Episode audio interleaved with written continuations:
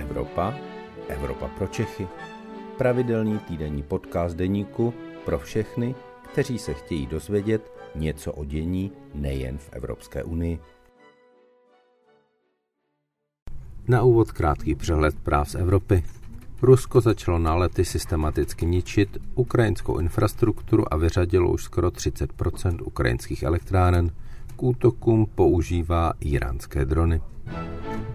Evropská komise představila v úterý v Evropském parlamentu plán na dynamické zastropování cen plynu, který má zabránit opakování cenové paniky z léta tohoto roku. V Bratislavě byli minulý týden zavražděni z důvodu nenávisti k LGBT komunitě dva mladí lidé. Události se zabýval i Evropský parlament.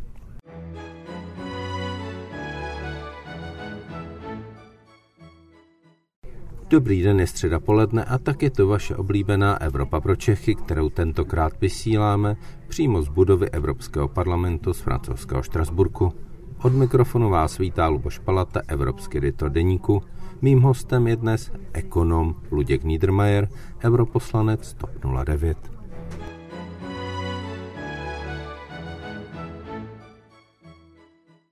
Máme pár hodin před začátkem důležitého samitu Evropské unie, na kterém by se mělo konečně najít nějaké evropské řešení ohledně cen a dodávek plynu. Jak velkou šanci tomu dáváte? To záleží eh, šanci na co. Eh, nějaké úplně komplexní řešení, že se přes noc stane z Evropské unie energetická unie, kde vlastně eh, energie nebudou znát hranice, tak myslím si, o toho jsme ještě hodně daleko. Ale je to prostě takový krok za krokem. Ono už se lecos podařilo. Začalo to tou první dohodou o plynu, který vlastně, kde země se zavazovaly k tomu šetření za určitých okolností, což byla vlastně věc zaměřená na bezpečnost dodávek dodávek. Vlastně od začátku té ruské agrese to hlavní téma byla bezpečnost dodávek. Aby jsme ten plyn vůbec Abychom měli. vůbec ten plyn měli. A teďka jsme se dostali zřejmě do situace, kdy ta bezpečnost dodávek eh, by snad mohla být zajištěna, pokud budeme mít štěstí s počasím a pokud spotřebitelé budou opravdu šetřit, ale eh, ten důraz se není kladen na ty, eh, na ty ceny. Tak uvidíme, co se tam povede. Eh, zatím ten postup byl takový, že zřejmě členské země nebyly příliš entuziastické do nějaké velké koordinace, že Evropská komise vlastně navrhla nějaký napříč Evropou systém, který by měl umožnit členským zemím sebrat z ekonomiky peníze, ty takzvané excesivní zisky, které by se přerozdělily ve prospěch spotřebitelů a firem, aby jim odlehčili o těch velmi vysokých cen, ale eh, čili tam už jsme se dostali, ale teďka začínáme čelit dalšímu problému, který mě nepřekvapuje, já jsem o něm mluvil od začátku, nebo vlastně dokonce dvěma problémům. Ten jeden problém, ten starší, o kterém se samozřejmě ví, čím intenzivnější bude dotace těch cen, tím bude větší riziko, že nebudeme šetřit a tím bude větší riziko, že z té dnešní diskuze o cenách se zase vrátíme k té diskuzi o dostatečnosti dodávek. Protože na tom riziku, že na světě prostě není dostatek LNG, který, eh, kterým je možné nahradit eh, ten ruský plyn, to prostě je realita. Ten dostatek toho není a proto je třeba, abychom ušetřili. Jednak proto, abychom měli bezpečnost dodávek u nás, ale abychom taky nevysáli to LNG ze zbytku toho světa, protože e, minulý týden jsem byl na jednání Mezinárodního měnového fondu a velká řeč je tam o světové recesi, o riziku světové recese.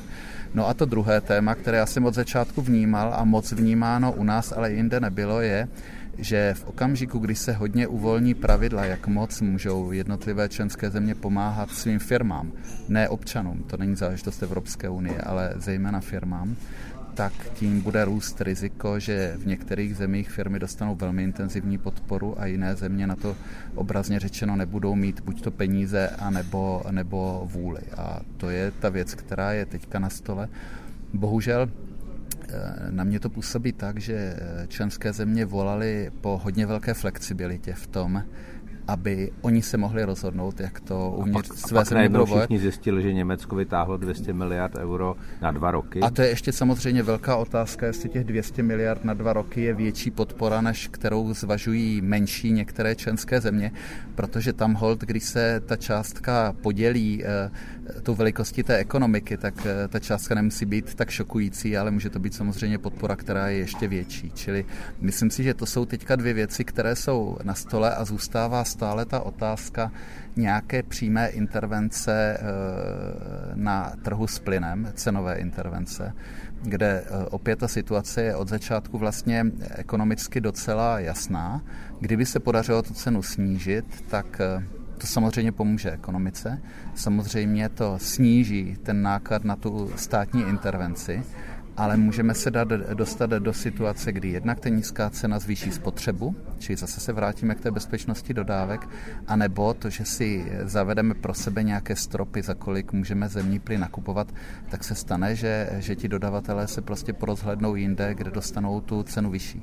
Já musím říct, že jsem zatím neviděl nějaký srozumitelný ekonomický návrh, na to celkové kepování ceny zemního plynu. To, co je ve hře a podle mého názoru to může dávat smysl, je to kepování ceny plynu pro výrobu elektrické elektřiny. Ale zase, když se podíváme na cenová data z minulého týdne, tak zjistíme, že ten plyn se pohybuje kolem 150 euro.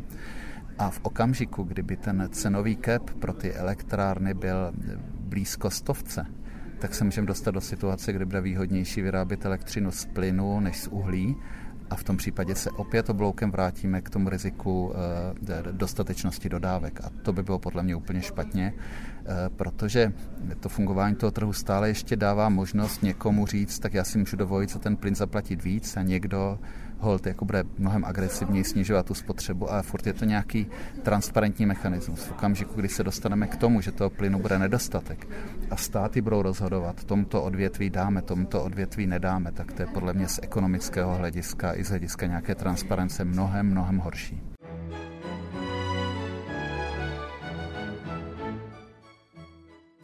Jak byste vysvětlil srozumitelně eh, normálním posluchačům Eh, to, že eh, ty ceny plynu teď tak pruce klesají. Já myslím, Máme že... se radovat? Tak samozřejmě eh, je to dobrá zpráva, protože to sebou také stahuje ceny elektřiny, což je jako dobrá zpráva. Ale zase nejásejme trochu předčasně. My jsme teďka v takovém okinku, o kterém jsem se s řadou odborníků na energetiku bavil už před mnoha, mnoha měsíci. To znamená v situaci, kdy máme takřka plné zásobníky, z technického hlediska možná už jsme úplně na té nejvyšší kapacitě, která dává smysl. A ještě nezačala zima, či máme nízkou spotřebu. Takže toto je situace, která, eh, která Takže není dočasná. ten plyn kam dávat vlastně. Vlastně není ho, není ho jak spotřebovávat. Čili eh, Eh, takže je to zvláštní situace, kdy Rusko opravdu už šláplo úplně na brzdu nebo na plyn, chcete-li, z hlediska vyhrožování Evropě, z hlediska dodávek a přesto ta cena klesá, ale je to dané eh, to opravdu velmi specifickou situací. Já stále věřím, že pokud budeme mít trošku štěstí s počasím, eh, budeme se chovat zodpovědně, že ta letošní zima by měla dopadnout podle mě opravdu dobře, ale tím ten problém nekončí, protože vlastně složitější bude příprava na další zimu. Spousta plynu v těch zásobnících napříč Evropou pochází přímo či nepřímo z Ruska a to s tím v tom příštím roce nemůžeme počítat. A vy si myslíte, že Rusko opravdu přestane plyn do Evropy dodávat, nebo ho začne dodávat třeba přes Turecko, protože teď jsme měli zkusku Putin-Erdogan a výsledkem z ní byl mimo jiné hub Turecko, mm-hmm. který bude přerozdělovat ten plyn dál mm-hmm. do mhm. Evropy. Eh, v okamžiku, kdy Rusko eh, brzy ráno posílá eh, rakety a drony na to, aby bombardovalo civilní cíle v Kijevě, nemá jakkoliv smysl spekulovat o tom, jestli Rusko bude dodávat plyn nebo ne. Či já myslím, že my musíme počítat s tím, že ty dodávky budou zastaveny.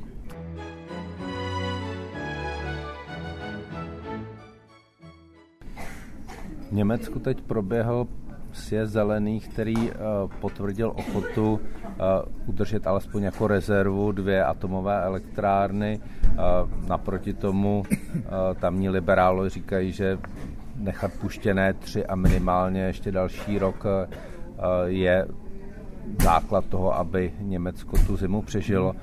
Je opravdu velikost těch atomových elektráren taková, že to může ovlivnit plyn, že to může ovlivnit obchod Eh, s elektřinou celé střední Evropě, ne v Německu?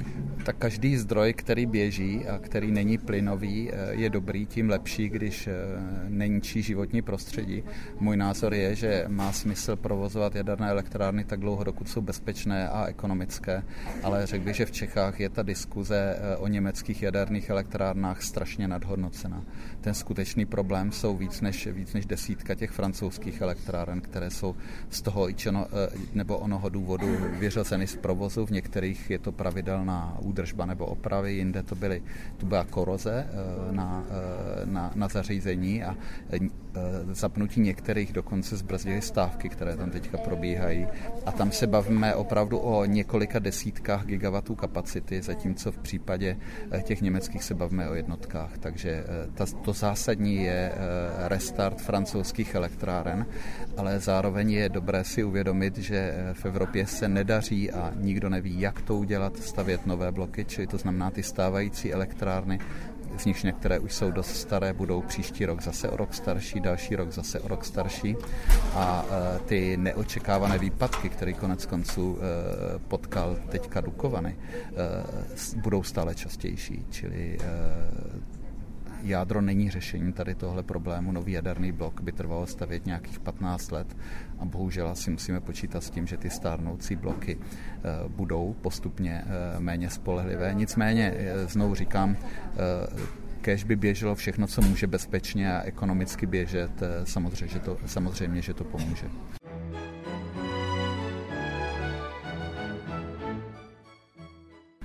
Aby jsme našim posluchačům dali trochu naděje, jak na tuhle zimu, to už jste trochu dál, tak na tu příští čem vidíte nějaký možný posun eh, v té stabilizaci energetické situace v Evropě?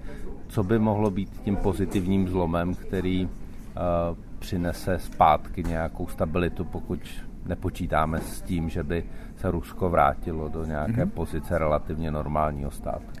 Eh, já myslím, když se podíváme na ten obrázek eh, těch eh, posledních, toho posledního víc než půl roku, který byl opravdu strašný, byl strašný pro Ukrajince, byl to šok pro celý svět, tak já myslím, že na výsledky té naší reakce bychom spíš měli být hrdí, než být vyděšení koho by opravdu napadlo, že během několika měsíců se podaří eh, dostat Evropu do situace, kdy z nějakých více než 40% závislosti na Rusku v plynu se dostaneme na méně než 10%. To je obrovský úspěch. Myslím si, že na začátku jara jenom opravdu eh, optimisté, ale velmi eh, silní optimisté říkali, že tu zimu zvládneme, ale teďka bych řekl, že spíš pouze kombinace nějakých negativních okolností by mohla způsobit, že tu zimu zvládneme neúplně hladce, čili já myslím, že to je obrovský úspěch. To, že teďka ta cena plynu klesla, také klesla eh, cena elektřiny opravdu výrazně, to je prostě eh, obrovský úspěch.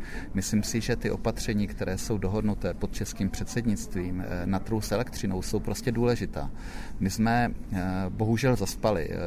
Celá Evropa nezaspala tak, tak moc jako my, třeba v, obnovitel, v oblasti obnovitelných zdrojů, ale třeba jsme také zaspali v lepším dynamickém řízení poptávky, což je to, co teďka se snažíme rychle zavést. To znamená snížit tu spotřebu v těch časech, kdy je elektřina nejlevnější, což znamená, že eh, ti, kteří mají nějaké dynamické tarify a samozřejmě firmy ušetří peníze, ale také tím, že vlastně celkově klesne spotřeba, tak klesne celková cena elektřiny, z níž má každý prospěch a klesne spotřeba, spotřeba plynu. Čili to jsou teďka věci, které, které rychle doháníme. Je, je naprosto jasné, že jediné, co se dá rychle postavit v energetice, jako velmi rychle jsou obnovitelné zdroje. I velmi velké instalace třeba na, na střechách továrních hal eh, je možné dělat v horizontu měsíců ty jiné eh, investice do energetiky, třeba i stavba nějaké malé paroplynovky, to se dostáváme z těch jednotek měsíců na jednotky let, čili eh, musíme dělat všechno, co se dá dělat a prioritou musí mít to, co se dá udělat nejrychleji, což jsou ty obnovitelné zdroje a, a energetické úspory. Velmi bychom si pomohli, kdyby eh, ta Evropa začala fungovat, začala v ní fungovat energetický trh.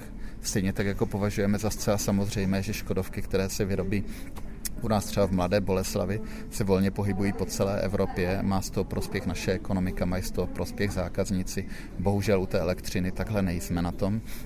A to znamená třeba v místech, kde by se elektřina dá vyrábět levněji, tak se jí třeba nevyrábí tolik, protože je obtížné ji dostat do těch míst, kde jsou zákazníci připraveni zaplatit vyšší cenu. Takže je to krok za krokem, ale myslím si, že z, z, z toho hlediska eh, jak ta situace vypadala, řekněme, v březnu, že jsme na tom neskutečně lépe. Když jsem byl na jednání eh, Mezinárodního měnového fondu, tak jedna expertka právě na tady tyhle oblasti eh, také zdůrazňovala to, že vlastně zaplať pampu, že řešíme jenom ty starosti, které teďka řešíme. Eh, spoustu lidí to v březnu vidělo tak, že a samozřejmě nedá se to nějak, nějak popřít, že je otázka vůbec, co bude dál. Jestli Rusko nerozpoutá nějakou opravdu gigantickou třeba jadernou válku, čili uh, určitě je dobré si uvědomit, že ty problémy, které teďka řešíme, jsou problémy relativně malé s těmi, jak vypadaly eh, na začátku jara. Ale to samozřejmě v žádném případě neznamená, že že, toho, že eh, nás nečeká spoustu práce a tím vůbec nechci snižovat to, že spoustu firm a domácností se opravdu dostává těmi vysokými cenami eh, do, do komplikované situace.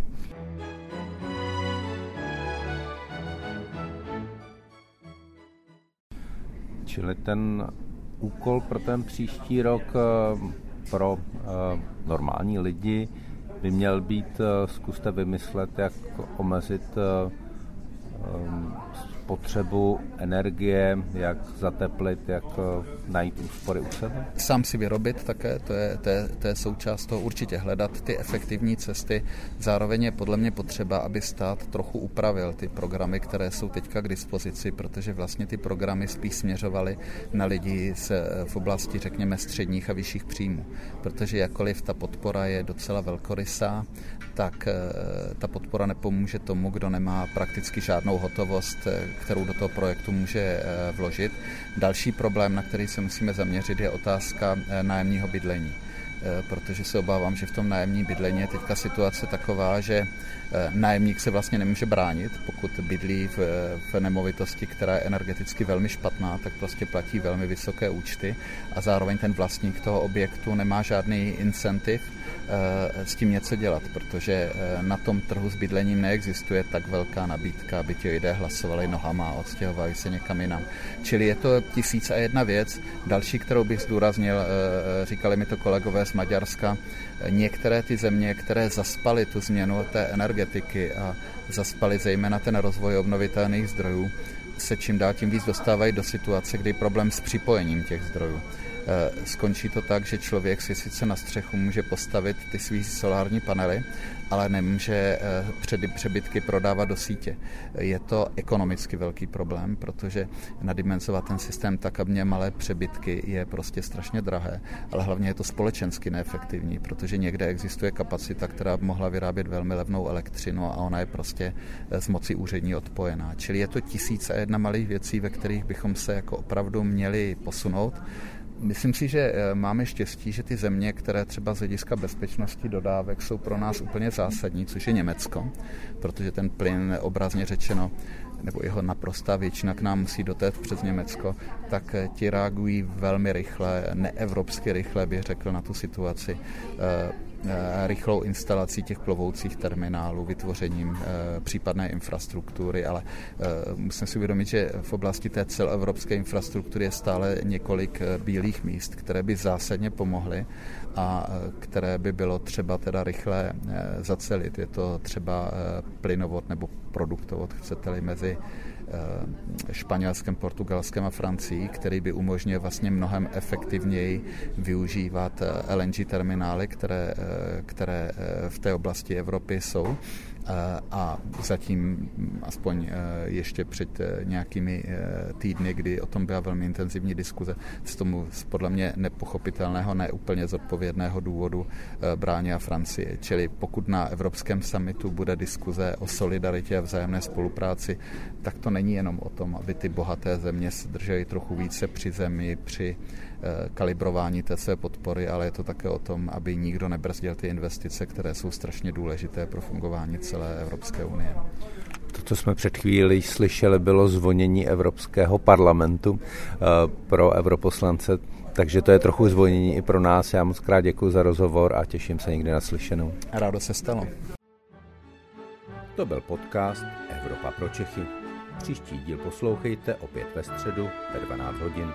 Naslyšenou se s vámi těší váš Luboš Palata.